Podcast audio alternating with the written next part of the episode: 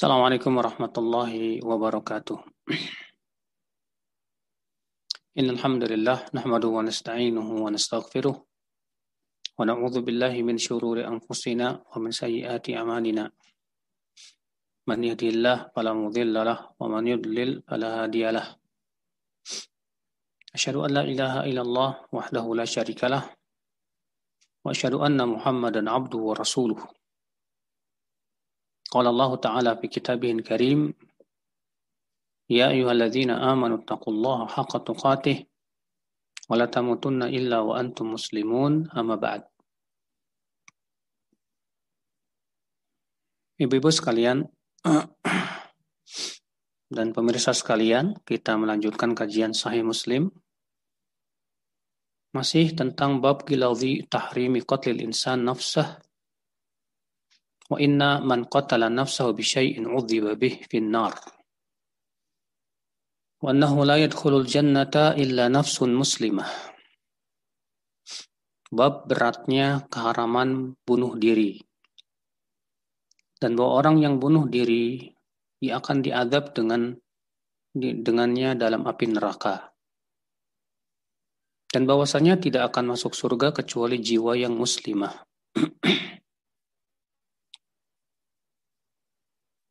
Kita sekarang masuk ke hadis yang nomor 13, 318. Berkata al-Imam Muslim rahimahullah, Haddatsana Muhammad bin Rafi. Muhammad bin Rafi yang wafat pada tahun 245 Hijriah.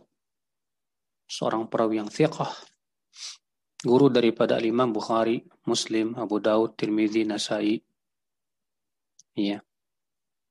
Dari Abdul Razak, Abdul Razak bin Hammam As-San'ani, guru dari Imam Ahmad bin Hambal, seorang yang thiqah. Namun beliau ada padanya sedikit syiahnya. Apa itu syiah? Ketahuilah saudaraku bahwa syiah di zaman dahulu Ya beda dengan Syiah di zaman sekarang. Al-Hafidh Ibnu Hajar Al-Asqalani rahimahullah dalam kitab At-Tahdzib At-Tahdzib di jilid 1 halaman 94 berkata At-tashayyu fi 'urfil mutaqaddimin huwa i'tiqadu tafdhili Ali ala Uthman wa anna Aliyan kana musiban fi hurubihi wa anna mukhalifahu mukhti'un مع تقديم الشيخين وتفضيلهما وربما اعتقد بعضهم أن عليا أفضل أفضل الخلق بعد رسول الله صلى الله عليه وسلم.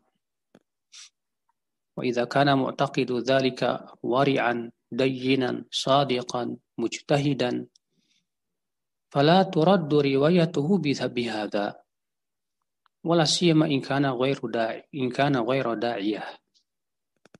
Tashayyu fi urfil mutaakhirin fahuwa rafdu al-mahdhu. Fala tuqbar riwayatul rafidhi al-ghalib wala karamah. Kata beliau Syiah menurut istilah ulama terdahulu adalah meyakini ke keutamaan Ali di atas Utsman dan bahwasanya Ali benar dalam peperangannya dan bahwasanya yang menyalahi Ali itu salah. Namun mereka masih mendahulukan Abu Bakar dan Umar daripada Ali. Dan barangkali sebagian mereka ada yang punya keyakinan bahwa Ali lebih utama dari Abu Bakar dan Umar dan seluruh sahabat. Ia adalah manusia yang paling utama setelah Rasulullah SAW. Maka apabila ia meyakini ya keyakinan seperti ini, tapi dia orangnya warak, dayin, ya betul-betul berpegang kepada agama Allah, jujur dan ahli ijtihad mujtahid, maka tidak ditolak riwayatnya. Ya, terlebih kalau dia bukan seorang dai. Adapun Syiah menurut istilah orang terakhir kata beliau itu adalah Rafidhah. Siapa itu Rafidhah yaitu Syiah Imamiyah Ithna Asyariyah yang mengkafirkan seluruh sahabat ya, dan melaknat Abu Bakar dan Umar. Maka yang seperti ini kata beliau tidak diterima riwayatnya. ya wala karamah tidak ada kehormatan ya untuk menerima periwayatan mereka jadi bedakan ya Syiah terdahulu dan Syiah di zaman sekarang. Ternyata di zaman sekarang Syiahnya itu adalah Syiah Rafidhah. Kita lanjutkan dari Ats-Tsauri, Ats-Tsauri yaitu Sufyan ya bin Sa'id bin Masruq Ats-Tsauri. Seorang perawi yang sangat thiqah. Bahkan beliau digelari oleh para ulama sebagai Amirul Mukminin fil hadis. Beliau wafat pada tahun 160 Hijriyah Semoga Allah meridai beliau. Dari Khalid Al-Hadda. Al-Hadda artinya tukang sepatu. Tapi beliau bukan tukang sepatu. Ya beliau gara-gara di, di, digelari Al-Hadda, gara-garanya beliau suka duduk sama tukang sepatu. Akhirnya gelar Al-Hadda dinisbatkan kepada beliau. Ya, ditempelkan kepada beliau. Ya, beliau bernama Khalid bin Mihran Al-Hadda dan beliau melihat Anas bin Malik tapi tidak meriwayatkan dari beliau. Ya. Dari Abu Halu Abu Qiba, Abu Qilabah, Abdullah bin Zaid Al-Jarmi, seorang tabi'in, thiqah. Dari Thabit bin Abduhaq, seorang sahabat Rasulullah sallallahu alaihi wasallam. Ia berkata Nabi Shallallahu Alaihi Wasallam bersabda, "Man halafa bimillatin siwal islami kadiban muta'ammidan fahuwa kama qal."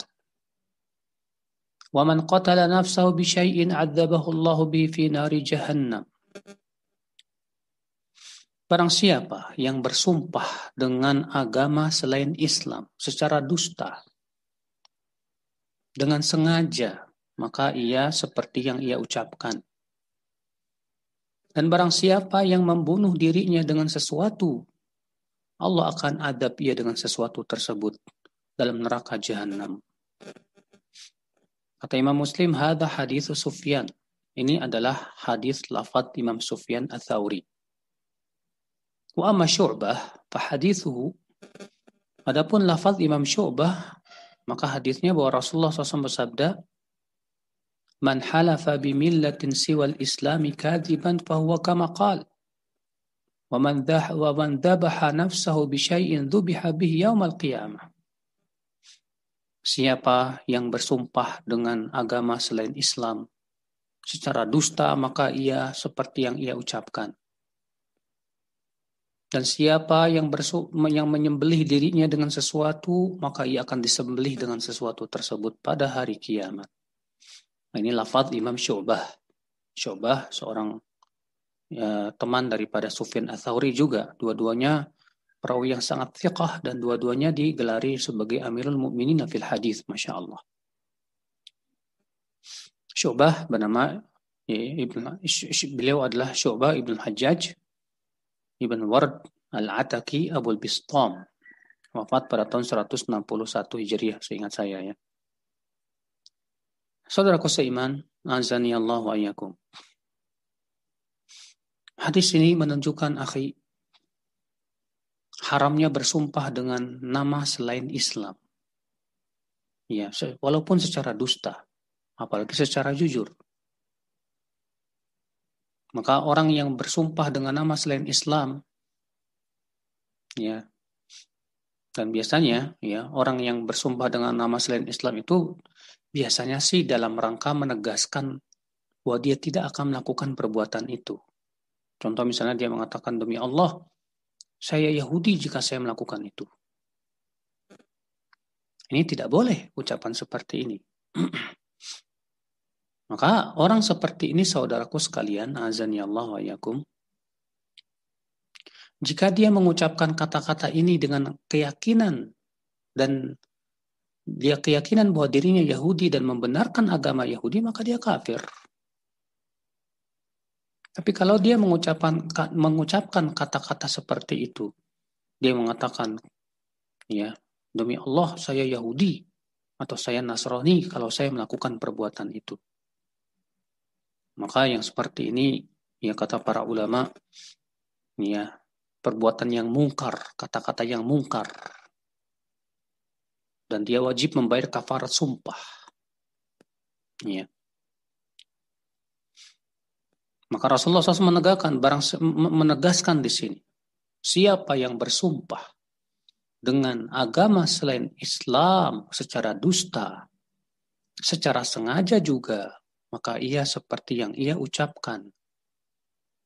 Maksudnya seperti yang ia ucapkan, artinya sesuai dengan niatnya. Kalau niatnya adalah dia mengaku dirinya sebagai orang Yahudi dan membenarkan agama itu, maka seperti yang ia ucapkan ya bahwa dia, dia memang ya murtad dari agama Islam.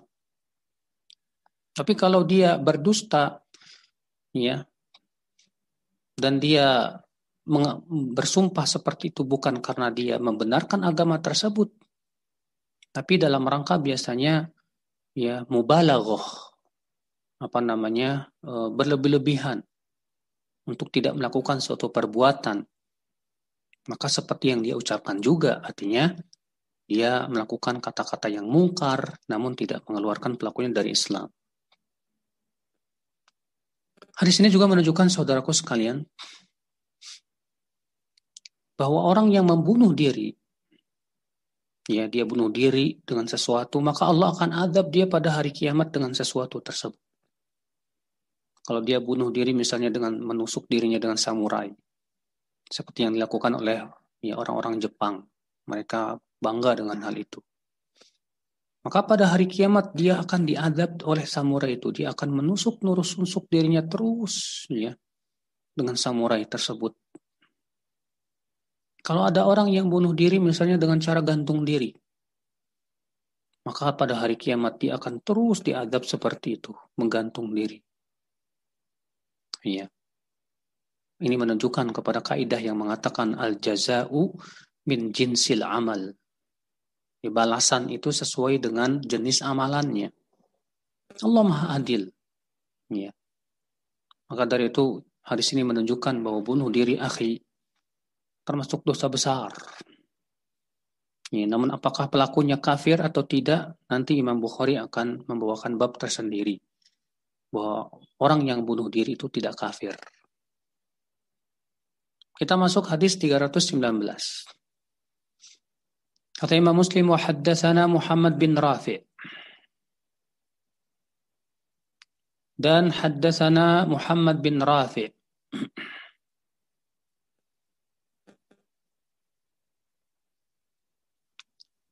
Sudah lewat tadi Muhammad bin Rafi dan Abd bin Humaid. Abd bin Humaid seorang ulama hadis terkemuka Beliau juga menulis kitab musnad namanya Musnad Abad bin Humaid. Ya. Jami'an an Abdul Razak keduanya meriwayatkan dari Abdul Razak itu bin Hammam As-Sana'ani yang sudah kita sebutkan tadi. Seorang perawi yang sangat yang sangat fiqh, guru daripada Imam Ahmad. Ya, qala Ibnu Rafi berkata Muhammad bin Rafi haddatsana Abdul Razak. Artinya Abd bin Humaid yang meriwayatkan dengan lafaz an. Sedangkan Muhammad bin Rafi meriwayatkan dengan lafaz haddatsana. Apa bedanya haddatsana dengan an? Kalau haddatsana itu langsung mendengar langsung. Ya. Kalau an ada ada kemungkinan mendengar langsung, ada kemungkinan tidak. Namun seorang perawi apabila dia siqah dan bukan mudallis, maka lafadz an itu dibawa kepada mendengar ya bertemu langsung. Beda kalau misalnya seorang perawi itu modalis ya dan dia sering melakukan tadlis. Maka kalau dia meriwayatkan dengan an tidak diterima. Ya, tidak boleh diterima. Akhbarona Ma'mar kata Abdul Razzaq Akhbarona Ma'mar Ma'mar ini ya seorang perawi yang yang thiqah namanya Muhammad bin Rashid Al-Azdi. Namun ya periwayatan beliau di kota Basrah didoifkan oleh banyak ulama. Kenapa? Karena gara-garanya beliau di kota Basrah tidak bawa buku-bukunya dan mengandalkan hafalan. Sementara beliau kurang hafal hadis-hadisnya. Akhirnya terjadi banyak kesalahan saat meriwayatkan di kota Basrah itu. Akhirnya ditolak oleh para ulama. Ya, makanya kata para ulama periwayatan Ma'mar bin Rashid di kota Basrah dhaif. Adapun kalau periwayatannya di kota Yaman maka ya thiqah sekali. Anis Zuhri dari Az-Zuhri ini sering kali lewat ya. Beliau bernama Muhammad bin Muslim bin Abdullah bin Ubaidillah bin Shihab bin Zuhri yang dikenal dengan Ibnu Shihab Az-Zuhri, Amirul Mukminin fil hadis yang wafat pada tahun 125 Hijriah dan beliau adalah ulama yang pertama kali membukukan hadis atas perintah Khalifah Umar bin Abdul Aziz. An Ibn al-Musayyib atau Musayyib yaitu Sa'id bin Al-Musayyib. Sa'id bin Al-Musayyib ini seorang tabi'in ya akhi, ya termasuk kibarut tabi'in. Ya Az-Zuhri ini termasuk sigarut tabi'in, tabi'in kecil. Kalau Sa'id bin Musayyib ini termasuk tabi'in besar, Ya, apa bedanya tabiin besar dengan tabiin kecil? Tabiin besar kata para ulama yaitu tabiin yang bertemu dengan kibar sahabat. Sahabat-sahabat besar ya, terutama khulafaur rasyidin Abu Bakar, Umar, Utsman, Ali. Adapun tabiin kecil adalah tabiin yang bertemu dengan tabiin apa sahabat-sahabat kecil. Satu atau dua atau tiga sahabat seperti Anas bin Malik, Ibnu Abbas, ya, Ibnu Umar. Maka ini disebut dengan tabiin kecil. Ada lagi yang disebut oleh para ulama dengan tabiin pertengahan. Ya, satu tabiin. Itu mereka yang bertemu dengan yang tidak bertemu dengan khulafa rasyidin tapi bertemu dengan sahabat-sahabat yang lain. Ya, seperti bertemu dengan Aisyah radhiyallahu anha dan sebagainya. Nah, Sa'id bin Musayyib, Musayyib ini kibarut tabi'in. Bahkan ya para ulama mengatakan bahwa beliau adalah a'lamut tabi'in, tabi'in yang paling alim. Ya, tabi'in yang paling berilmu adalah Sa'id bin Musayyib. Ya, luar biasa beliau ilmunya. Ya.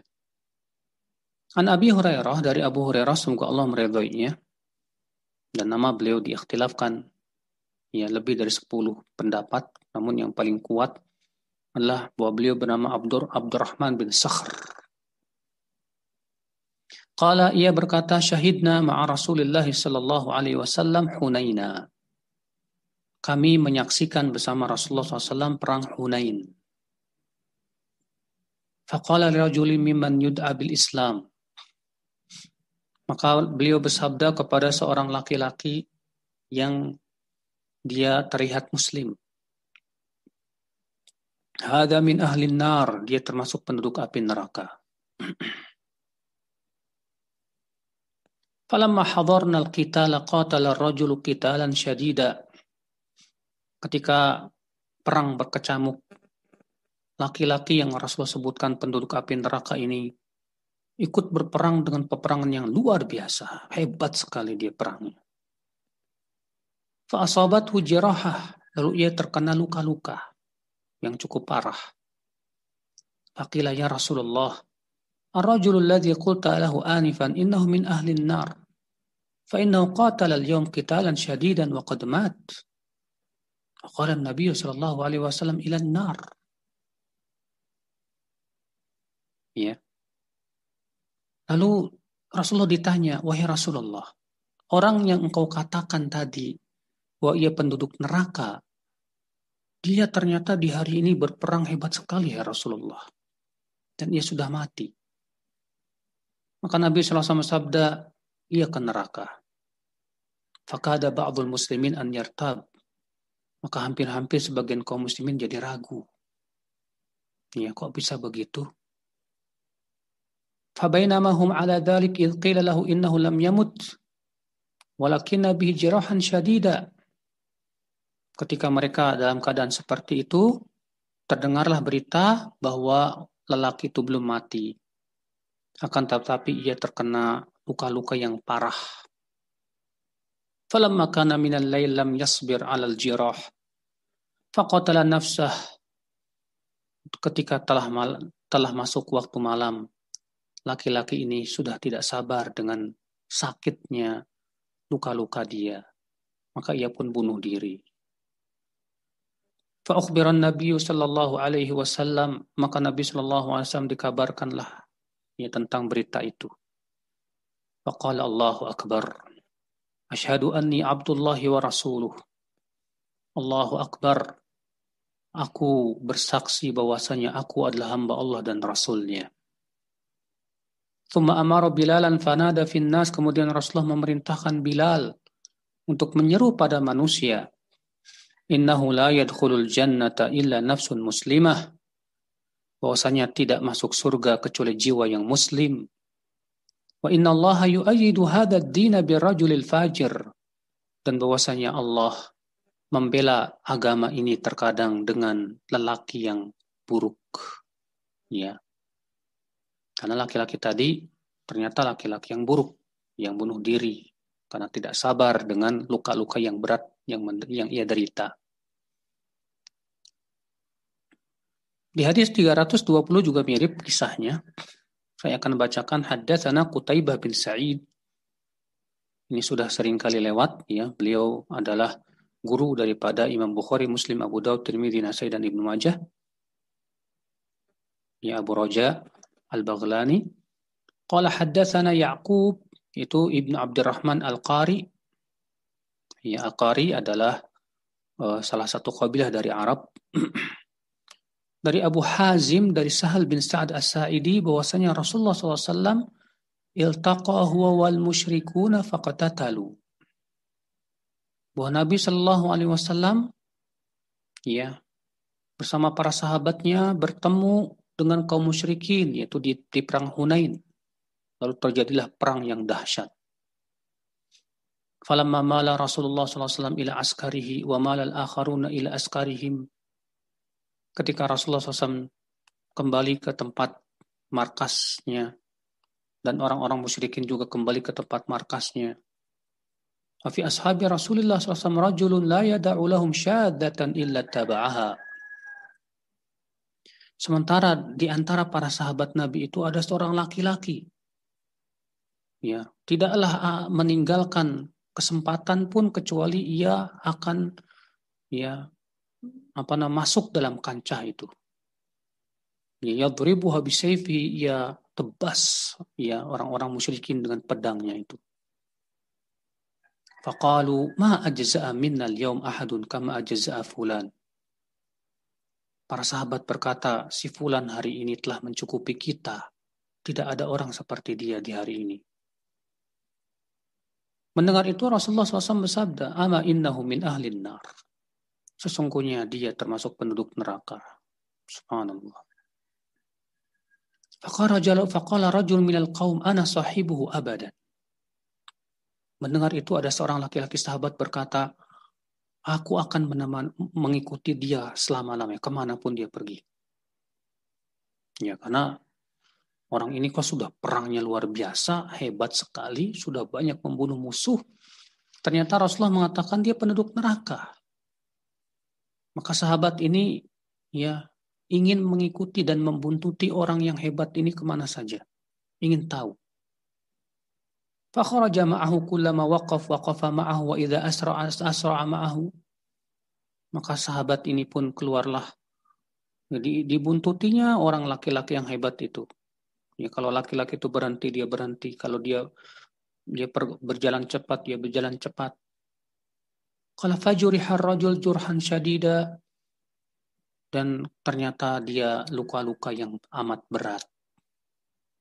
Fasta'jala al-maut fawadha'a nasla sayfi fil bil ard wa dhubabahu baina sadiyaihi thumma tahamala ala sayfihi faqatala nafsah. Rupanya dia sudah tidak sabar dengan beratnya luka dia. Ia pun kemudian bunuh diri dengan cara ya meletakkan apa gagang pedang itu di bumi dan apa yang tajamnya di atas.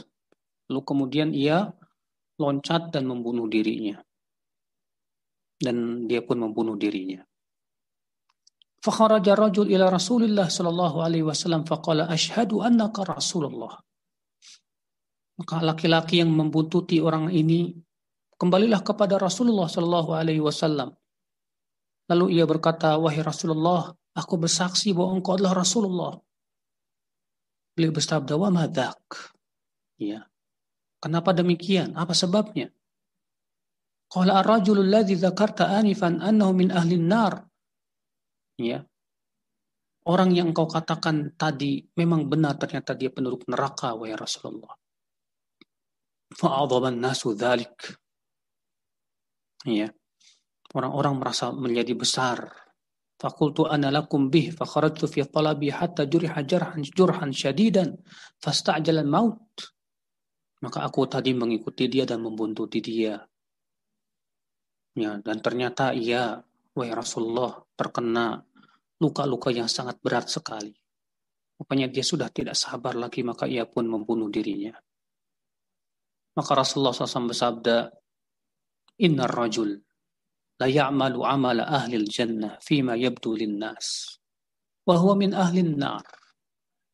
Wa inna rajul la ya'malu amala ahli nar fima yabdu linnas wa huwa min ahli jannah. Allahu Akbar.